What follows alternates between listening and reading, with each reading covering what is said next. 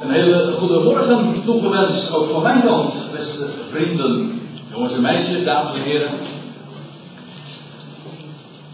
Uh, we hebben vandaag, maar dat zal u niet ontgaan zijn, een studiedag en dat betekent een tweetal bijeenkomsten en dat geeft ons de gelegenheid om ons eens wat. Dat geeft, dat geeft ons de gelegenheid om wat uitgebreider op een bepaald thema in te gaan. En inderdaad, zo'n onderwerp als, als wat we vandaag aan de orde stellen, zegen en vloek, dat leent zich juist ook voor zo'n studiedag des te beter. U zegt zegen en vloek, vanmorgen gaat het natuurlijk over de zegen en vanmiddag over de vloek, dan weet ik precies wanneer ik weg moet gaan. Maar het is precies omgekeerd trouwens. Als u voor de zegen bent gekomen. Ja, dat, dat, noemen ze in de zakenwereld klantenwinning. Nee hoor, ik, ga, ik wil vanmorgen het, uh, het hebben inderdaad over zegen en vloek. En het is precies zoals Huib al even in de aankondiging zei. Uh, die begrippen zegen en vloek, ja, die vinden we heel vaak in de Bijbel, afzonderlijk, maar gezamenlijk ook al zo'n 40 keer in de Bijbel. Dat zegen en vloek in één adem genoemd worden.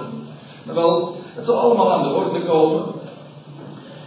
En waarbij ik vanmorgen vooral op de Hebreeuwse kant van het verhaal wil ingaan en vanmiddag wat meer op de Griekse kant van het verhaal. Dat wil zeggen, vanmorgen het Oude Testament en vanmiddag het Nieuwe Testament. Maar uiteindelijk loopt dat ook weer door elkaar.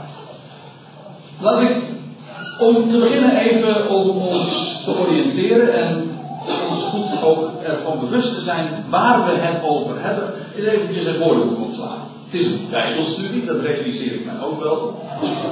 Dat betekent dat als je wil weten wat een woord betekent, dan moet je niet, dat is een, fout die veel mensen maken, eerst in het woordenboek kijken in Van Dalen of in Koenen of hoe ze maar heten mogen.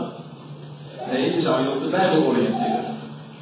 Want de Bijbelse betekenis van een begrip wijkt dikwijls af van dat wat men eronder verstaat, of wat men ervan gemaakt heeft.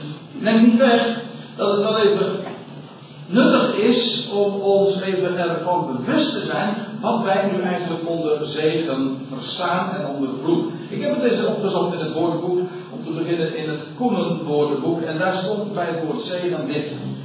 Zegen. Veelal met een gebaar, of teken vergezelde plechtig uitgesproken formule, waarmee, waardoor men Gods gunst over iemand of iets wil laten komen. Dat is de eerste betekenis van een zegen. Uh, in de dat wordt dan vervolgd met in de protestantse kerken als liturgische handeling, als besluit van de eredienst. Degenen die hier een protestantse achtergrond hebben, en dat zullen er wat zijn, stel ik me zo voor. Die weten dat aan het einde van de kerkdienst de predikant, in de eerste instantie is bij de opening, eh, vindt daar de begroeting plaats. Dan worden ook meestal de handen opgeheven door de predikant, want dat moet wel een speciaal de, uh, beambt iemand zijn. Dat mag niet zomaar iedereen doen. Maar dat geldt voor de zegen ook. Ook de zegen is, wordt uitgesproken door een, een geordende predikant aan het einde van de dienst en dan worden de handen opgeheven en uh, wordt de zegen meestal de spreuk die we vinden in nummer 6, de Heer zegen u en hij behoede u, de Heer toen zijn aangezicht over u licht en hij. Nummer 6 dan. De zegen, dat was trouwens de zegen die alleen de hoge priester mocht uitspreken. By the way. Ja. De hoge priester zal deze zegen uitspreken. Nou. In elk geval, dat wordt altijd de zegen genoemd. In, de kerkdienst wordt, uh, wordt besloten met de zegen. Wel, dat is waar het hier ook over gaat in, in het woordenboek. En er staat er nog bij, in de Rooms-Katholieke kerk met het kruisteken gepaard gaat. Daar heb ik dan weer wat minder ervaring mee, maar dan is het de, de ik heb het wel de paus ook zien doen, dat hij dan dit doet. Wat trouwens interessant is, want ons woord zegenen komt via via uit het Latijn. En dat is nog wel te herkennen ook. En dat van het Latijnse signum. En dat betekent teken. Je ziet dat nog in, in andere. Eh, trouwens, ook in onze taal het woord signaal. Of wat dacht u van het, eh, het Engelse sign?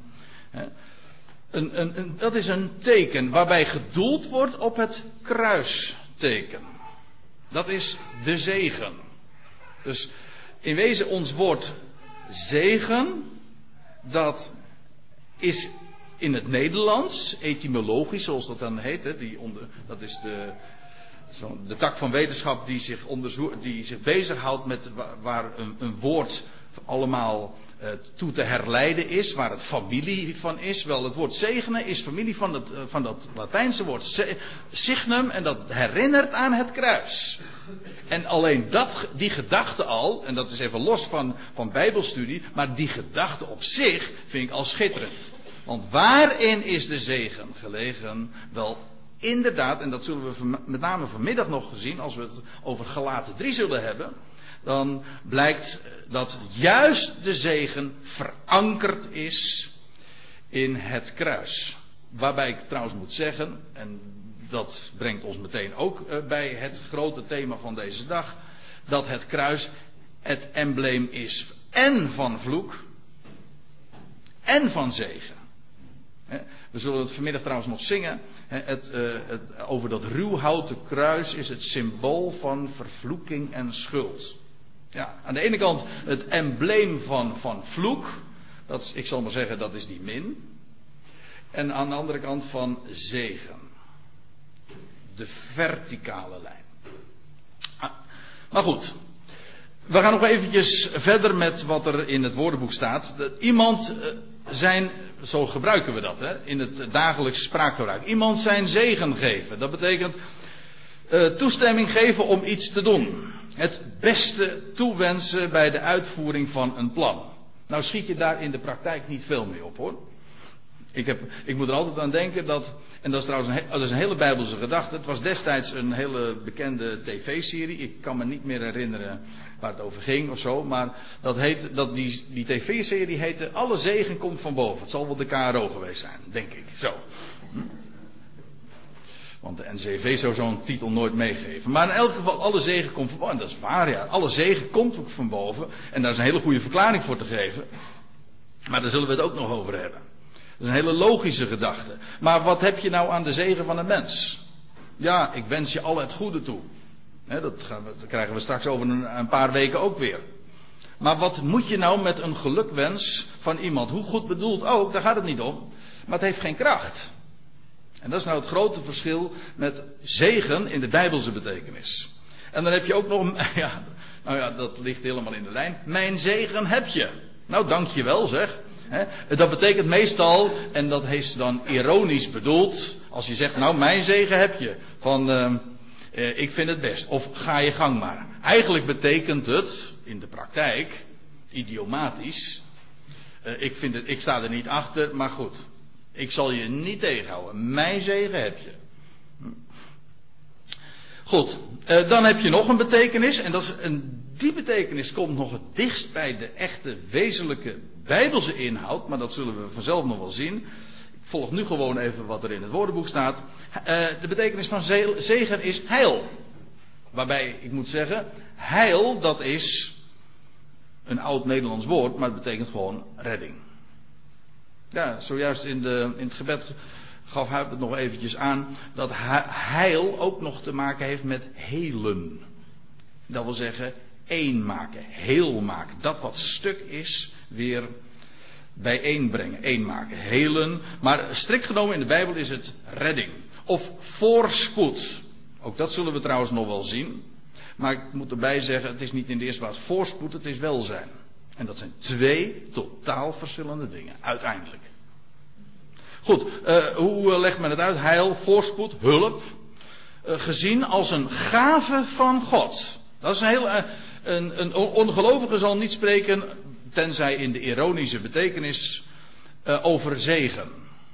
Nee, zegen dat heeft te maken met dat wat je van God ontvangt. Wat van boven komt. Als, als daar boven niks is, ja, dan, uh, dan, kan, dan kan er ook niks vandaan komen, zo, zal ik maar zeggen.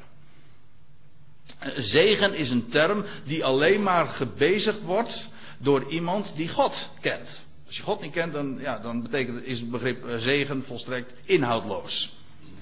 Uh, zegen wensen op nieuwjaar. Geluk wensen staat er dan nog bij. We kennen dan ook nog de uitdrukking, daar rust geen zegen op. En dat betekent, uh, er komt niet veel goeds uit voort. En om even in de lijn te blijven van, van het thema van vandaag, we zeggen ook, daar rust een vloek op. Daar komt, en dat betekent dan het omgekeerde, daar komt, um, ja, dat is eigenlijk hetzelfde als dat er geen zegen op rust. Hè? Dat zullen we trouwens ook straks zien. Dat, dat is in, in wezen hetzelfde. Als, er, als je zegt er rust een vloek op, dat betekent er rust geen zegen op. We komen daar straks nog over te spreken. Uh, dan zeggen we nog dat is een zegen voor hem en dat betekent dan een zeer gelukkige omstandigheid. En dan deze nog, mensen. Die vond ik in, niet meer in Koenen, maar wel in Vandalen. Dat is een uitdrukking. Je hoort hem niet zo heel erg veel. Hoewel toen ik het in, intikte in Google, toen bleek dat er toch nog weer een heleboel eh, voorkomens uh, daarvan zijn. Dan spreekt men over een. Wie, wie kent deze uitdrukking? Een verhulde zegen. Nou, niet al te bekend is het. Of, of u bent zo bescheiden dat ik zeg van ja, ik ga niet als enige mijn vinger opsteken. Dat kan natuurlijk ook nog. Maar een verhulde zegen, dat is een uitdrukking. En wat bedoelt men daarmee? Dat is een ramp. Hoe kan dat een zegen zijn? Nou, die uitpakt als iets goeds. Vandaar dus verhuld. En ik vind het zo'n mooie term, zo'n mooie uitdrukking, omdat je, dat geldt trouwens voor heel veel spreekwoorden en gezegden en uitdrukkingen van, van, van dat soort frases, die blijken een hele diepe bijbelse inhoud te hebben. En dat geldt van deze ook, een verhulde zegen. Ook een ramp, in wezen, laat ik het laat ik dan meteen het uh, in een heel groot perspectief plaatsen. In feite is deze hele oude schepping een verhulde zegen. Het is een ramp. Namelijk onderhevig aan zonde, dolmissen en dood. Dat is een ramp, mag ik toch wel zeggen. Nou ja, we, we, we leuken het op in deze wereld. En we doen alles eraan om het, eh, om het dan toch nog maar gezellig te hebben. Maar de, de Bijbel zegt gewoon, we zijn stervelingen, we zijn zondaren. En deze schepping is inderdaad aan de ijdelheid, de leegheid onderworpen. Maar, dat is nou het, uh, wat de Bijbel erover leert. Het is een verhulde zegen. Waarom? Omdat er uit deze oude schepping iets nieuws voortkomt. Zo geweldig Waarbij dan zal blijken dat wat er aan vooraf gegaan is, namelijk de huidige wereld, de, huidige schepping, de oude, wat, wat de Bijbel dan noemt de oude schepping, een noodzakelijke voorwaarde is voor dat wat gaat komen. Nieuw leven dat de dood achter zich heeft. Maar daarvoor is het wel noodzakelijk dat daar eerst de dood is. Dat nieuwe heeft pas, heeft zijn betekenis juist doordat er iets anders aan vooraf gegaan is. Dat van tijdelijke aard was, maar het was wel noodzakelijk. Al het kwaad in de Bijbel is noodzakelijk kwaad. En dat vind ik zo mooi. Een verhulde zegen. Je verhuld, dat wil zeggen, je ziet het niet. Op het moment dat het zich voltrekt als ramp, dan, ja, dan, dan kun je het mooie ervan niet zien. En gaat, u maar eens na in uw eigen leven dat je soms toch uh, dingen hebt meegemaakt die je ervoer als een, als, een, als een ramp, als een drama, als ongeluk. En waarbij je naderhand moest vaststellen, het was een zegen dat ik het meegemaakt heb. En ik weet dat er mensen zijn die dat echt duizendkoppig kunnen onderschrijven wat ik nu zeg. Het is waar. Dat je, dat er dingen gebeuren die, waarvan je niet kan bevroeden dat ze ooit iets goed zouden opleveren, maar waar naderhand van zal blijken, en het was het beste wat me toen kon overkomen, een verhulde zegen. Trouwens, het is prachtig om zo tegen de dingen aan te kijken. In wezen is alles wat we ervaren als een vloek uiteindelijk een verhulde zegen. God die de, daar zullen we het ook nog over hebben, die de vloek verkeert, dat wil zeggen omkeert in een zegen. Als je niet geloven wilt, dan moet je het maar eens aan Biliam vragen. Die ook nog trouwens ter sprake komt, maar we gaan verder. En dan hebben we nog een mooie. Ik ben er ooit op gewezen door jou, Adriaan. Deze. Ik, ik wist namelijk helemaal niet dat dat een, een, woord was. Ik ken het woord sleepnet wel, maar niet de zegen in deze betekenis. En ik kwam hem nu weer tegen en ik dacht van dat moet ik ook vertellen. Dat is ook een fraai verhaal hoor. Want zegen, ja daar moet je een visser voor zijn. Maar heeft namelijk nog een betekenis, namelijk van, die van een sleepnet. Een sleepnet die alles, kijk dat ziet er zo uit. Je hebt daar, daar, daarbij dan nog weer verschillende zegens. Een, een, een, ringzegen en een ankerzegen. Maar je schijnt er nog meer vormen van te hebben. Daar gaat het even niet om. Maar het is in ieder geval een visnet. Een, een sleepnet. Die alles meeneemt. Vandaar ook dat uh, uh, milieuorganisaties er over het algemeen niet zo heel erg enthousiast over zijn. Omdat die ook heel destructief kan zijn. Afhankelijk van de grootte van de mazen nog weer. Maar daar gaat het nou allemaal niet om. Uh, want ik heb daar sowieso geen verstand van. Maar het mooie van een, een, de zegen is, is een net dat alles insluit. Dat is, kijk maar in het, woorden, in het woordenboek of uh, in, uh, op, op, Wikipedia of zo. wat, een, wat de zegen is. Dat is een net dat alles meeneemt en alles insluit. Haha, denk ik dan. Waarom zou dat nou toch een zegen heten? Nou, ik weet het wel. En dat is nou meteen weer een mooi opstapje naar het volgende. Want de eerste keer in de Bijbel dat er gesproken wordt over zegen en vloek in één adem, dat is in Genesis 12. Het woord zegen komen we al eerder tegen. Het woord vloek trouwens ook. Daar zullen we het ook nog over hebben. Maar zegen en vloek als, als, als tegenpolen, als, als woordpaar, komen we tegen voor het eerst in Genesis 12. En daar, in Genesis 12 is het hoofdstuk waar, waar beschreven wordt dat Abraham geroepen wordt uit Ur der Galdeeën. Hij krijgt de stem van God te horen en hij zou een reis maken naar het land dat God hem zou wijzen. En dan wordt er gezegd in vers 2, bij monden van God zelf, ik zal u, ik zal. Bij Abraham is het allemaal belofte.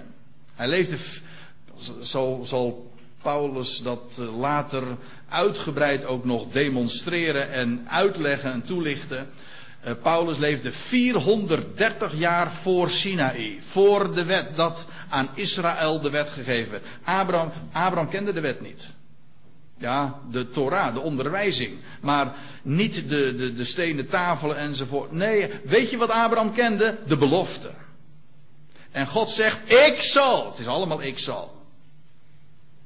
Ik zal u tot een groot volk maken en u zegenen. Onvoorwaardelijk trouwens. En uw naam groot maken. Wat natuurlijk betekent dat zijn naam uh, ja, groot zou worden, uh, dat hij een enorme faam zou krijgen. Nou, dat mag je wel zeggen.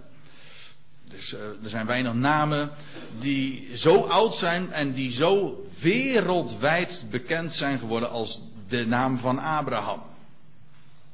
En zelfs alle grote religies, die voeren allemaal hun, hun oorsprong of voeren allemaal hun wortels terug tot Abraham. Ook, ook een, een, godsdienst als de islam doet dat heel uitdrukkelijk. Ibrahim.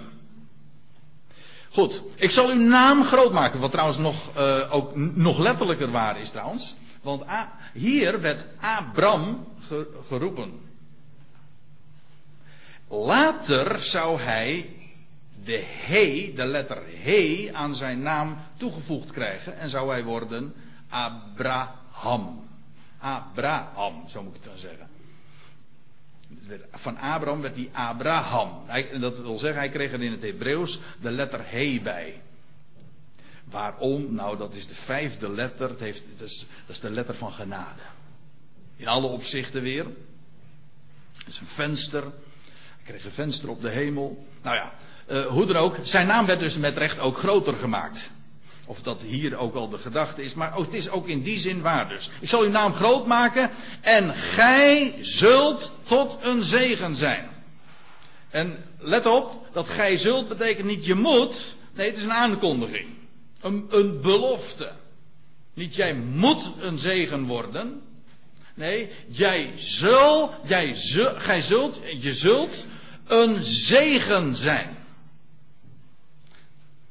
God belooft dat onvoorwaardelijk. Waarbij ik trouwens moet zeggen dat in de Bijbel, en dat is wel iets wat je ook goed in je, in, je oren moet eh, knopen, dat zegen en gezegend worden nooit een doel aan zich is. Dat geldt trouwens voor uitverkiezing ook. Abraham is daar een prachtig voorbeeld van.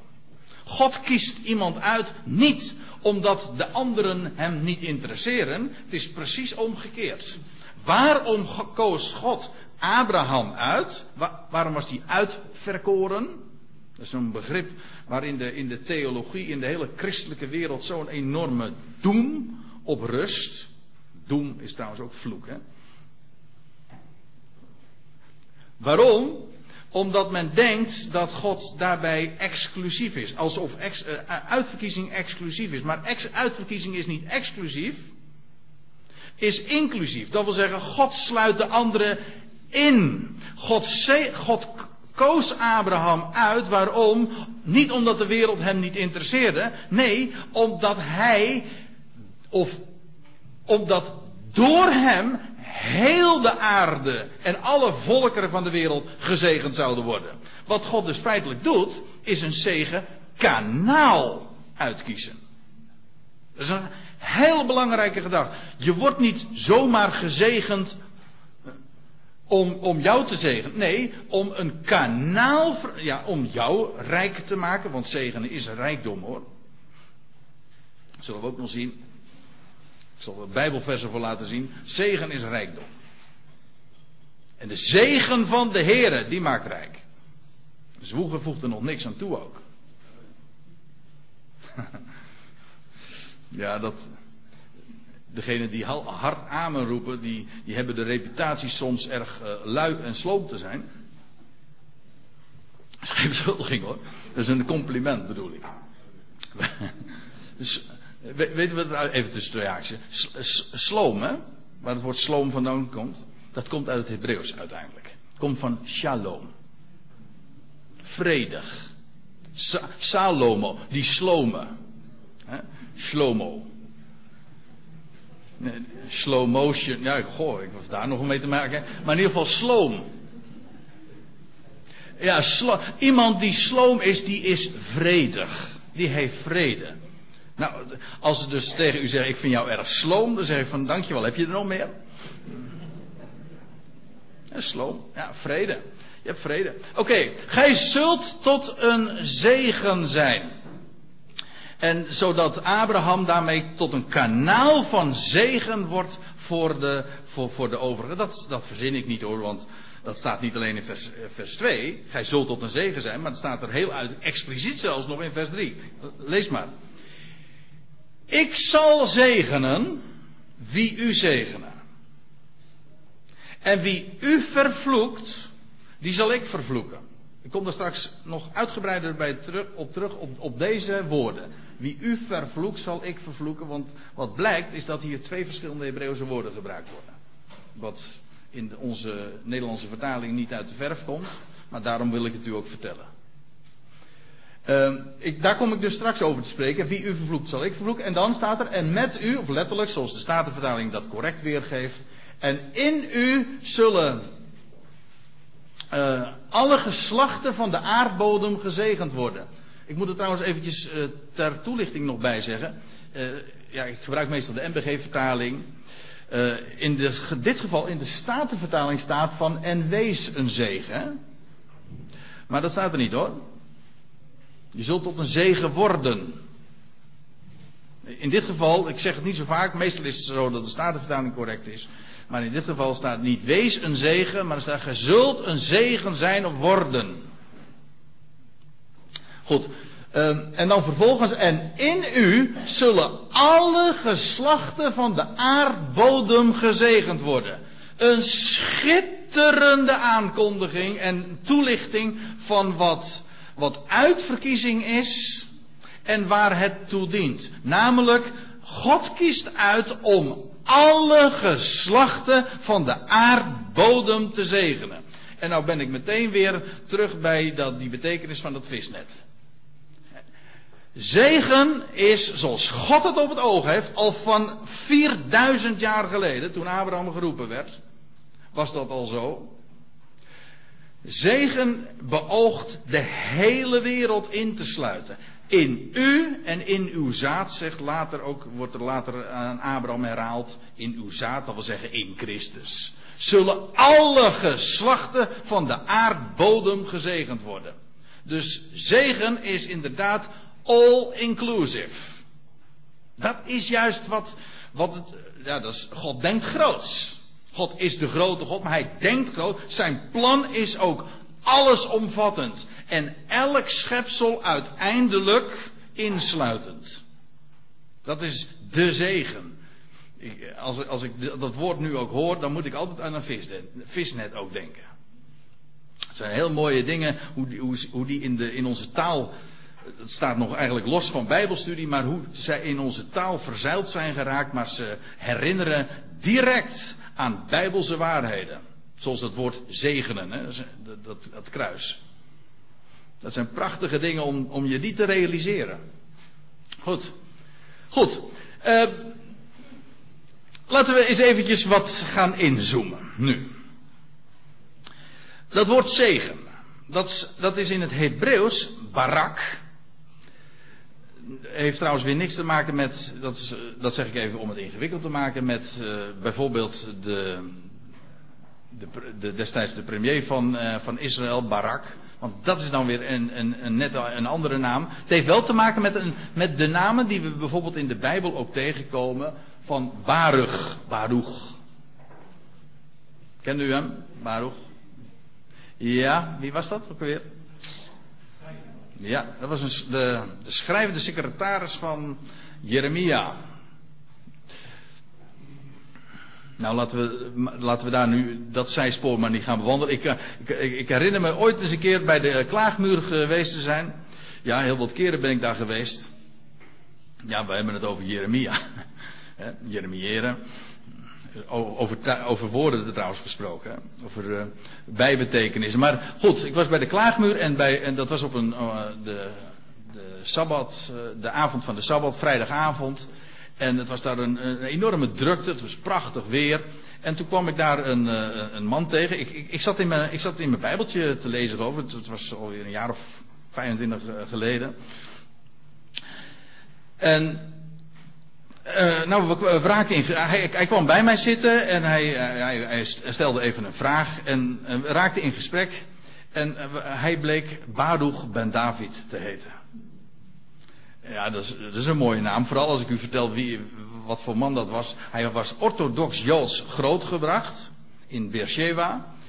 En zijn familie had hem begraven. Gewoon symbolisch. Waarom? Omdat hij Christ, nou, zo zou hij dat uh, niet noemen. Uh, maar hij, hij had de, de Messias leren kennen. De Mashiach. En zijn naam was, ja, zo heette die gewoon. Baruch ben David. Baruch betekent dus de gezegende. En ben David betekent de zoon van David. Nou, dat, uh, daar was hij zo trots op. Ja, geweldig als je zo mag heten. Als, je, als jij dan uh, in, in zo'n orthodox Joods milieu groot geworden bent, waar men niets moet hebben van de naam van Yeshua. En, en dat je dan de zoon van David hebt leren kennen. Nou, dan ben je inderdaad rijk gezegend. Ik heb zelden een man gezien die zo straalde wanneer hij over het woord sprak als hij. Geweldig. Ja, hij heeft me toen nog door de Jeruzalem heen geleid en allerlei dingen laten zien. Maar zoals hij over de, zoals, ja, als de, de schriften dan opengaan. En, en, en een Jood aan wie de woorden Gods immers zijn toevertrouwd, als die dat kan doorgeven, geweldig is dat. Schitterend. Goed, die man die heette dus Baruch. De, de, aan, aan, hem moet ik denken als ik aan, aan, als het hebben daarover. Je hebt ook nog iemand in de Bijbel, meerdere trouwens, die heette Berechia, maar dat is allemaal dezelfde naam. Zegen betekent dat. Maar wat nou zo aardig is, dat woordje barak, dat is eigenlijk het woord knie. In, in het Nederlands komt dat uiteraard totaal niet uit de verf. Maar als je met Hebreeuwse oren luistert en je hoort het woordje barak, Berechia of alles wat daarmee verband houdt, dan hoor je gewoon het woordje knie. Daar is het van, namelijk van, direct van afgeleid. En die is wel mooi natuurlijk.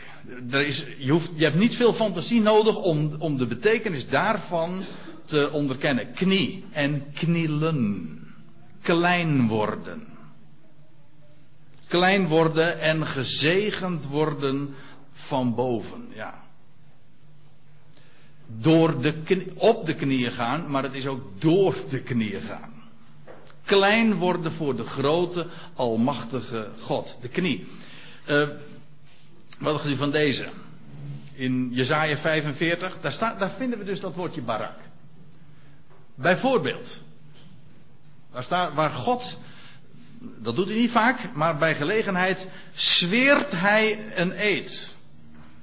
Je leest dat hier, je leest het ook bij Abraham, dat God, als God een belofte doet, dan, dan, dan bevestigt hij dat des te meer, dan zweert hij.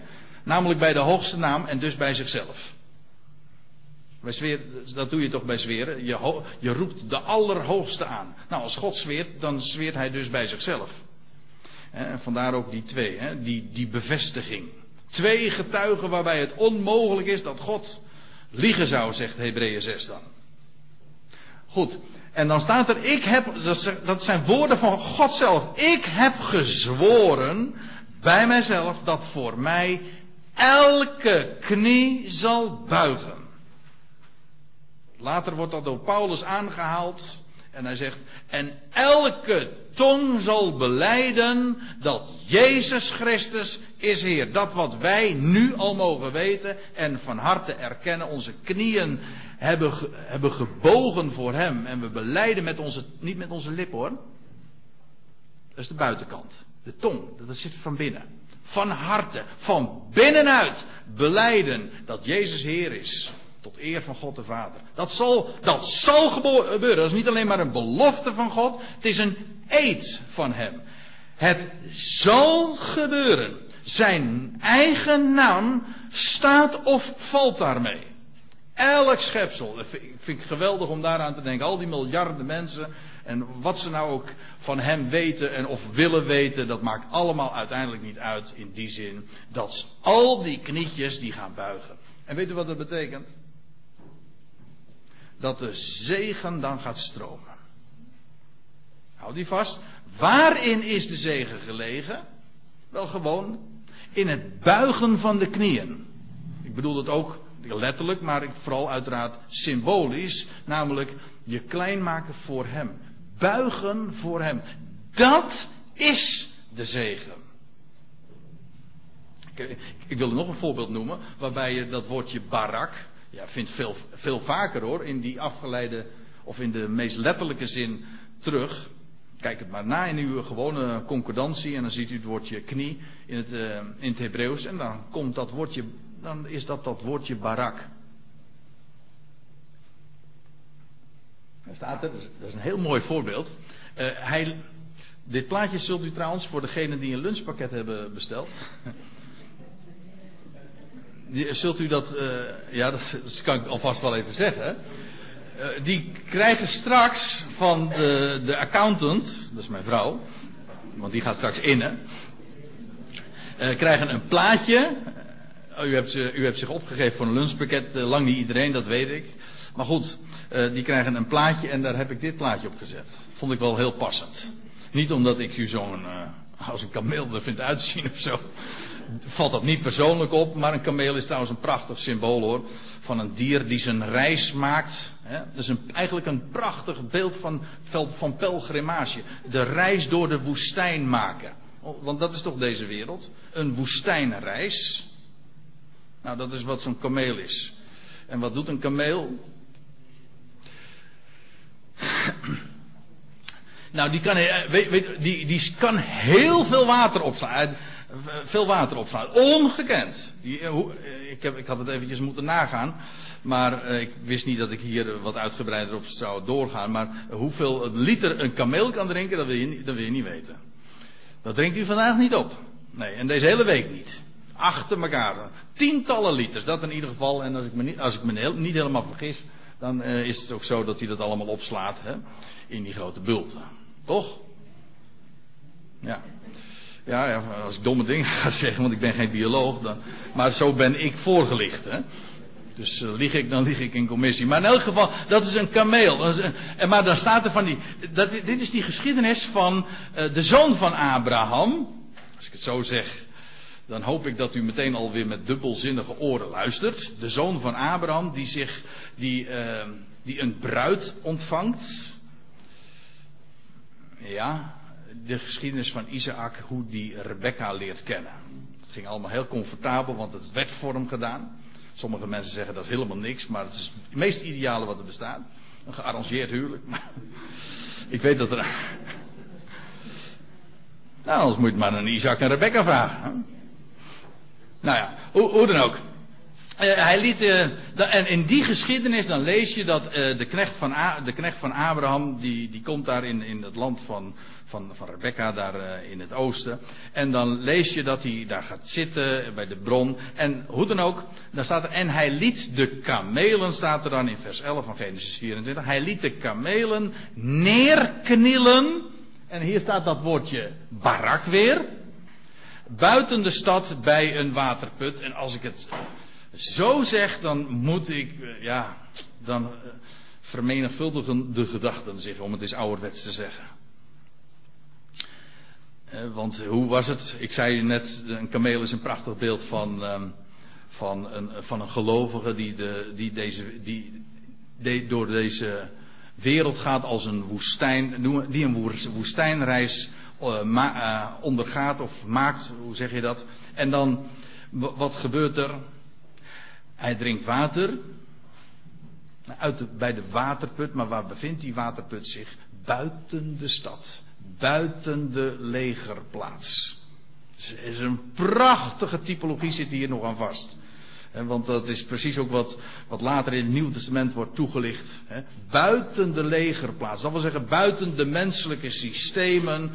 Buiten dat wat mensen hebben opgebouwd. Moet je, moet je wezen om water te putten. En water dan uiteraard als beeld van de bron. Hè, waaruit we levend water, het woord van God, onttrekken. Dat ons voeding geeft. Dat we, waar we werkelijk.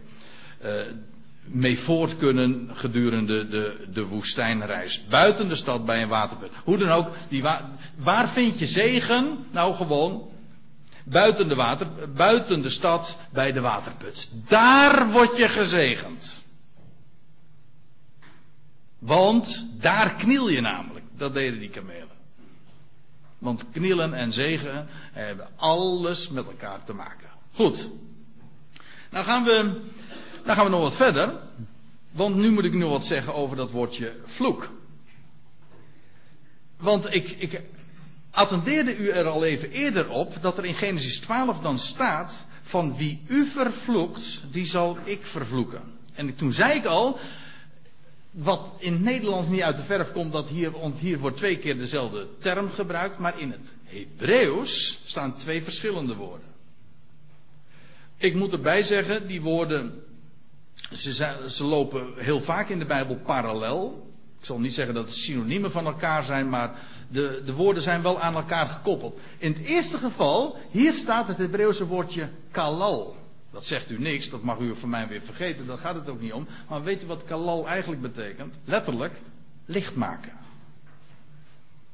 Het, het komt uh, heel veel uh, keren voor, maar het wordt elders vertaald met bijvoorbeeld in Nahum. Nahum, Nahum ja. Uh, in Nahum 1 wordt het vertaald met te licht bevonden. Of in 1 Koningen 12 met lichter maken. Of, en nou kom je wat eerder aan de meer dan idiomatische betekenis, met gering achten. Iets van minder, zo zeggen wij dat toch hè? Iets is gewichtig.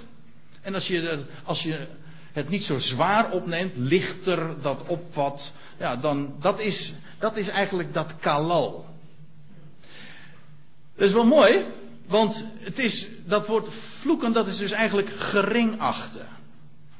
De waarde en het gewicht dat iets heeft, af, ervan afdoen. En daarmee kom je op, op iets, toch wel een essentiële gedachte, namelijk dat vloek niet zozeer iets is wat je toegevoegd wordt, maar iets wat je afgenomen wordt. Het is vloek is dat waar de zegen aan ontrokken wordt. Of waar geen zegen is. Vloek is dus niet een, een ding op zich. Maar het is juist het ontbreken van iets. Zoals je dat ook met allerlei andere woordparen hebt. Bijvoorbeeld in Deuteronomium 30 wordt er gezegd van ik hou u voor de zegen en de vloek. En er staat erbij het leven en de dood. Dan is zegen synoniem met leven en de vloek met, uh, met de dood. Maar wat is dood? Is de dood iets? Nee, de dood is eigenlijk dat waar leven ontbreekt. De dood is niet een ding op zich, maar het is gewoon daar waar ooit leven was, daar is nu geen leven meer in. Of wat dacht u van het woord duisternis? Duisternis is ook niks. Gewoon, duisternis is dat, dat woord wat we gebruiken wanneer er sprake is van geen licht. Als er geen licht is, wel dan is dat duisternis. Als er geen leven is, is dat dood. Als er geen zegen is, dan heet dat vloek. Dus de vloek is dat waar de zegen ontbreekt. Dat is een hele belangrijke gedachte. Vloek is dus niet iets wat toegevoegd wordt, maar eigenlijk vloek is juist wat er niet is. Wat ontbreekt. Wat minder is. En vandaar ook dat licht maken. Uh, in, uh, ik, ik, wil daar nogal een tweetal voorbeelden van geven. Er staat in Jeremia 20, staat, daar zegt Jeremia, uh, u weet, hij staat bekend om zijn klaagzangen. en dan zegt hij op een, op een kwade dag, Vervloekt zij de dag waarop ik geboren ben, de dag waarop mijn moeder mij baarde, zij niet gezegend. Met andere woorden, vloek is hier dat waar de zegen ontbreekt. Niet gezegend. Of spreuken 30, uh, vers 11, daar staat: Er is een geslacht dat zijn vader vervloekt. En dan parallel daaraan, en zijn moeder niet zegent. De, waarbij dezelfde gedachte zich opdringt, namelijk de vloek is daar waar de zegen ontbreekt. Zonder zegen. Ja. Ik wil u op nog iets wijzen. Ik had het zojuist al even over, over Israël, aan wie de zegen en de vloek wordt voorgesteld. Als ze, vlak voordat ze intrekken in het beloofde land, dan lees je, eh, eigenlijk het hele boek Deuteronomium gaat daarover, dat hen de zegen en de vloek worden voorgehouden. En dan staat er in Deuteronomium 11, vers 29. Dat werd namelijk op een, niet zomaar ergens gedaan. Nee, daar werd een speciale locatie voor uitgekozen. Bij Sichem. Oh, er, zitten ook, er zitten nog geweldige dingen aan vast. Waarom bij Sichem? Want daar had Abraham weer alles mee te maken. Ik ga eraan voorbij. Ik wil op één ding even wijzen. Namelijk dat wat hier gezegd wordt. Wanneer nu de Heere uw God u gebracht zal hebben in het land dat gij in bezit gaat nemen, dan zult gij, dus, tegen, wordt tegen Mozes gezegd, dan zult gij de zegen uitspreken op de berg Gerishim. Ik ga daar nu even aan, voorbij, wat dat betekent. En, en er staat, en wordt eraan toegevoegd, en de vloek op de berg Ebal. En hier wordt datzelfde woordje kalal weer gebruikt. Hè, dat lichter maken gering achten. Maar weet u wat ebal betekent? Ebal betekent kaal. Nee, ik, laat ik daar nou geen grapjes over maken. Hè? Want die liggen wel erg voor de hand. Maar ebal is, betekent gewoon kaal. Het was vermoedelijk ook een, ja dat laat zich raden, een kale berg. En daar op die berg Ebal, Daar zou de vloek worden uitgesproken. Kaal is dat, ja wat heet kaal? Daar waar haar ontbreekt. Of haar, in het algemeen, een kaalslag, hè? dat hoeft niet eens per se haar te zijn, maar gewoon uh, daar waar uh, iets ontbreekt. Als u zegt van God, het is, er wel heel erg kaal in die kamer. Dat betekent, daar, daar, zit, zit verder helemaal niks in. Uh, geen, geen, daar ontbreekt zoveel. Dat is kaal. Zo noemen we dat. Goed, die berg Ebal is kaal. Het ontbreekt. En, dat is, en daar op die berg Ebal, daar zou de vloek worden uitgesproken. Die alles trouwens ook te maken heeft met de wet. Met die, met die stenen tafelen enzovoorts. Die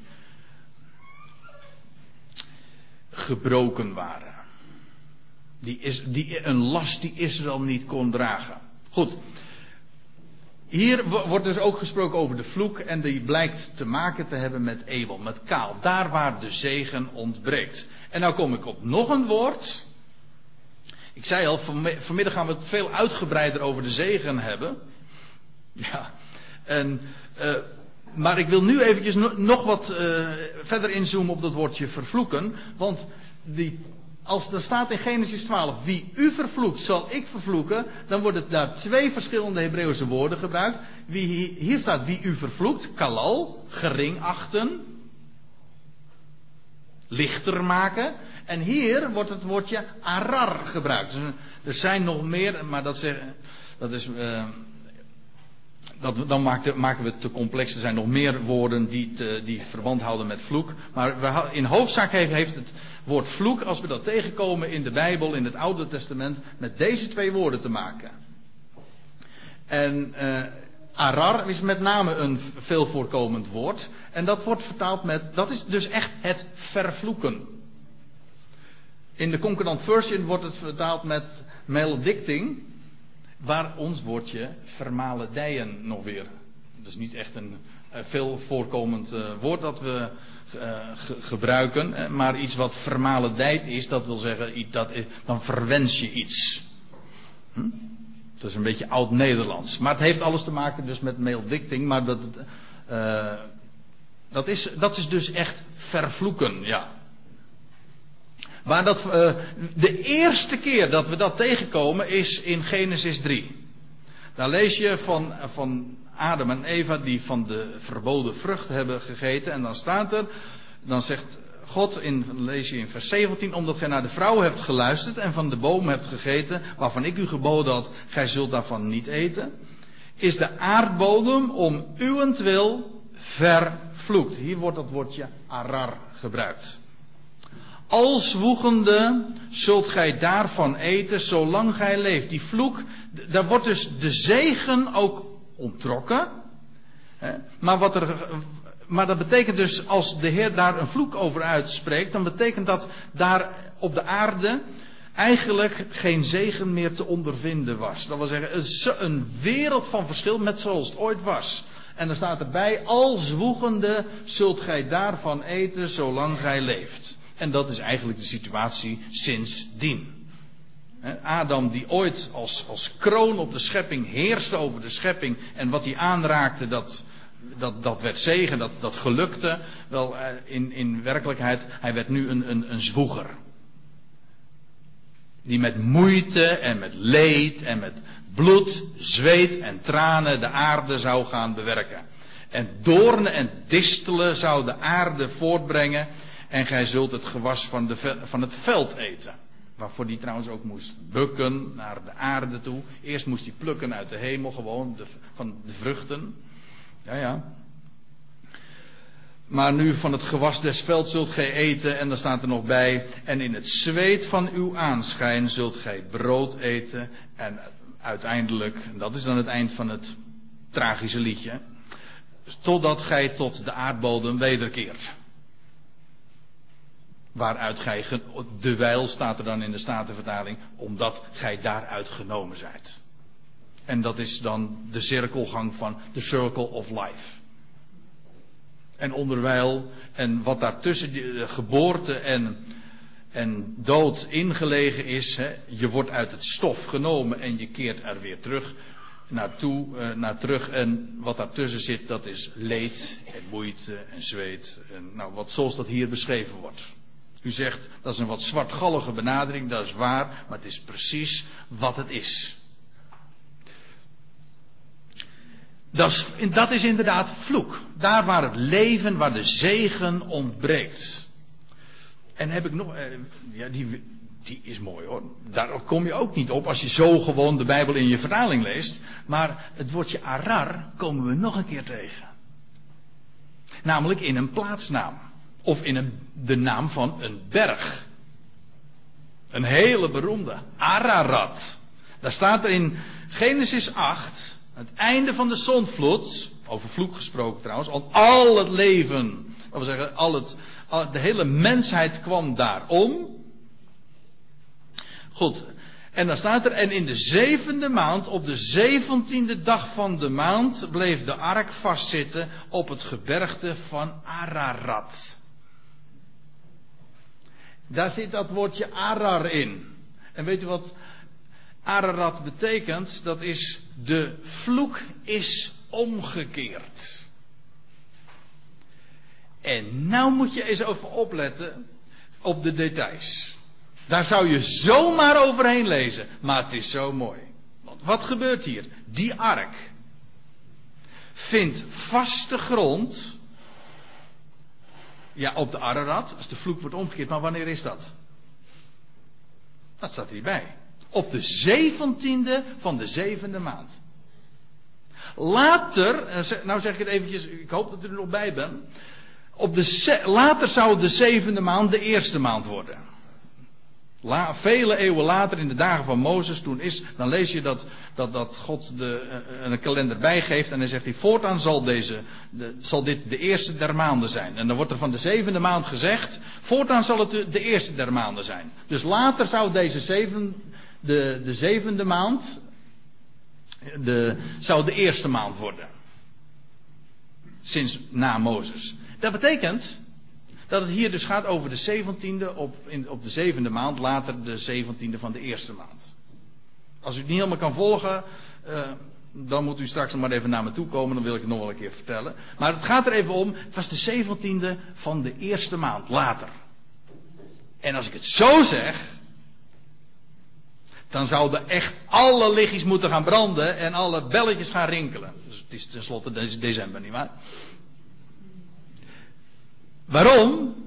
Het is de dag dat de vloek werkelijk werd omgekeerd. Namelijk toen de steen werd weggerold. Dat was drie dagen na de veertiende. De zeventiende. Ja, dat was de dag dat de Heer Jezus opstond. Daags na Sabbat. Maar het was de zeventiende. Nou, over die dag valt nog veel meer te vertellen, maar het gaat er nu even om, om de link, dat het precies op de dag was dat de ark bleef vaste, vaste grond vond en er hier brak een hele nieuwe tijd aan.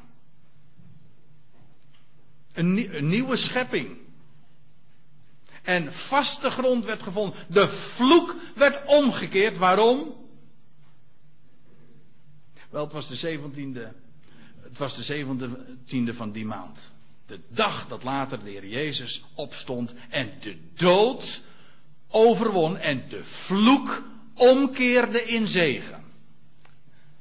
De vloek is omgekeerd. Ararat.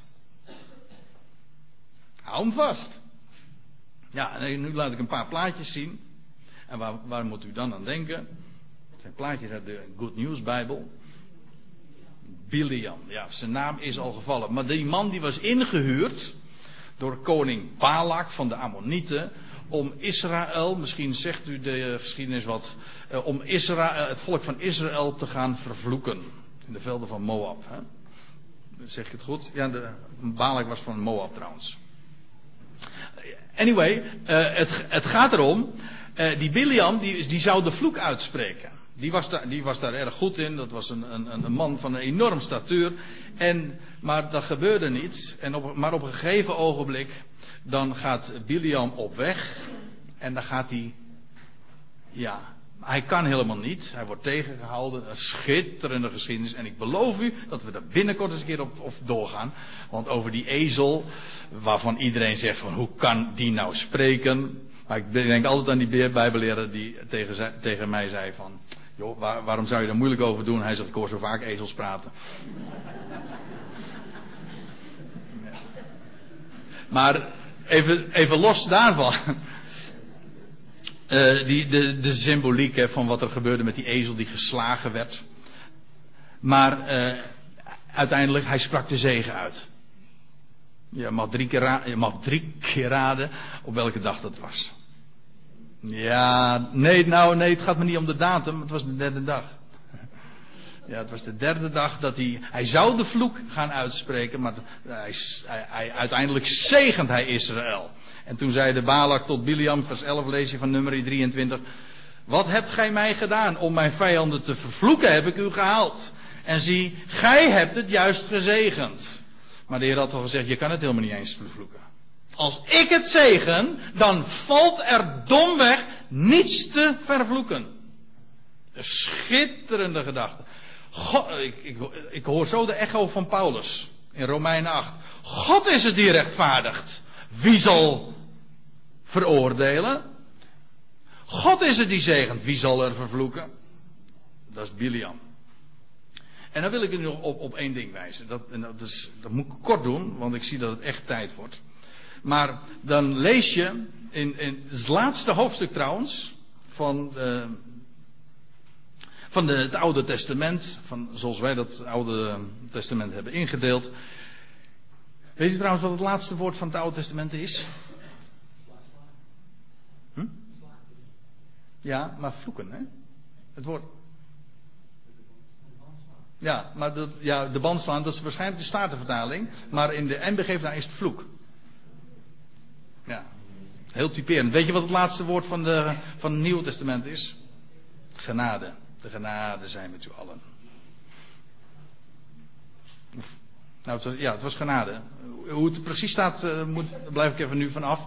Maar in ieder geval, het is een, het is een heel significant verschil.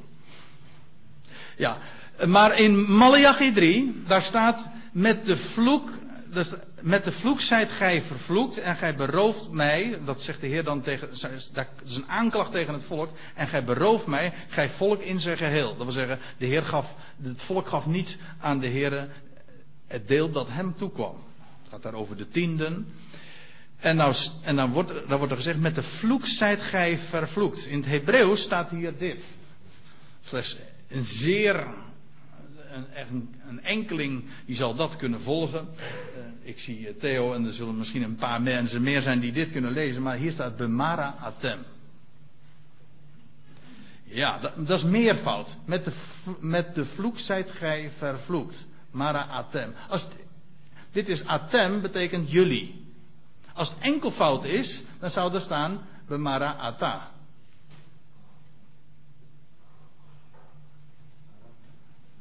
Waar denkt u dan aan? Maranatha, ja. Ja, want dan komen we. Ja, ik weet dat het altijd anders wordt uitgelegd. Maar er staat in 1 Korinthe 16, daar schrijft Paulus in het Grieks hè, aan, aan Corinthiërs, die helemaal geen Hebreeuws kenden, maar dan zegt hij: Indien iemand de Heer niet lief heeft, hij zij vervloekt. Maranatha. En dan zegt iedereen, oh dat betekent de Heer. Nou, laat eh, eventjes. Je, nou moet je even, je weet van niks. je weet nou helemaal, dit verhaal heb je nog niet gehoord van mij. En uh, je weet ook niet uh, wat de, de, de, handboeken er allemaal van zeggen. Maar wat denk jij nou, wat Maranatha, het is niet, de, de Corinthiërs kenden dit woord ook niet van, het, van huis uit, want het is helemaal geen Grieks woord. Net zo min als dat het een Nederlands woord is. Maar wat zou dit nou betekenen, denk je dan? Als er dan zo'n woord zomaar tussendoor komt. Die zei vervloekt Maranatha. Wat zou het betekenen? Ja, zoiets als van vervloekt. Hè? Dat zou je zeggen. En inderdaad, dat, dat is ook zo. Ja, ik weet, als je de handboeken nazegt, zeg je, ja, het is Aramees en dat betekent uh, van de Heer komt. Dat heeft Paulus ongetwijfeld ook geweten hoor. Dus het kan, er zit hier wellicht ook een, een woordspeling in. Ik bedoel, de betekenis is dikwijls niet uh, uit, uh, uitgeput wanneer je één ding hebt verteld. Er zitten vaak zoveel lagen in. Maar in elk geval heeft het met vloek te maken. Het is namelijk hetzelfde uh, als dit. Dat Maranatha. Een vloek zet gij. Maar wat betekent dat nou eigenlijk? Ja, ja, ik weet wel, een heleboel mensen heb je van die, met name de Johan de Heerliederen. Dat was immers de Maranatha-beweging. ja. En, en dan, nou, ik, ik, ja, ik, die liederen krijg ik niet meer aan mijn strot. Van Maranatha is ons wachtwoord, weet je zo. Ja. Of ik moet dan denken van ja, de Heer komt. En dat, natuurlijk, dat denkt iedereen erbij. Maar ik geloof dat de primaire betekenis gewoon die van het Hebreeuws is. Gewoon ook de hele context. Dat betekent gewoon, je bent een, een vloek. Ja, ata betekent jij. En mara is bitterheid. Heeft trouwens ook nog weer mee te maken. Mara. Goed. Maar, uh, en dan staat, hij zei vervloekt. Wat betekent dat? Vervloekt. Dat betekent gewoon, de zegen ontbreekt. Dat betekent niet dat er iets wordt toegevoegd aan jou of zo. Als een, als zwarte magie. Nee, waarin is de zegen gelegen? Wel in het liefhebben van de Heer. Als je, dat niet, als je de Heer niet lief hebt, hem niet kent, wel dan mis je de zegen. Dat is, en dat is precies wat vloek is. En vind ik zo mooi wat er dan uiteindelijk staat. De, en, want zo wordt het afgesloten. Zo sluit Paulus altijd zijn brief af, trouwens, met genade. De genade van de Heer Jezus zij met u. En weet u wat nou, wat is nou de, de link tussen het een en het ander? Nou, heel simpel. Als je de Heere lief hebt, weet je wat dat is? Dat betekent dat je de genade van de Heer hebt leren kennen. Want het is gewoon puur een reactie. Onze lief, wij, wij hebben lief, zegt Johannes zegt dat ook al. Wij hebben lief waarom? Wel, het is niks anders dan een echo of een, een reactie, actie-reactie. Hij heeft ons lief hij bewijst ons genade. Je komt tot het besef. En, en omdat Hij ons lief heeft. Nee, wij hebben lief omdat Hij ons eerst heeft lief gehad. Als je bewust wordt van de genade die Hij geeft. Wel, dan is het automatische effect daarvan. Actie, reactie is liefde voor Hem. Onze liefde is niets anders dan een reactie op het erkennen van zijn liefde en van zijn genade. Nou, en daar willen we vanmiddag nog veel meer over gaan ontdekken en over dat woord, met name over de zegen. Dus als u eh, echt voor de zegen gaat, dan zou ik zeggen, hè, blijf nog even.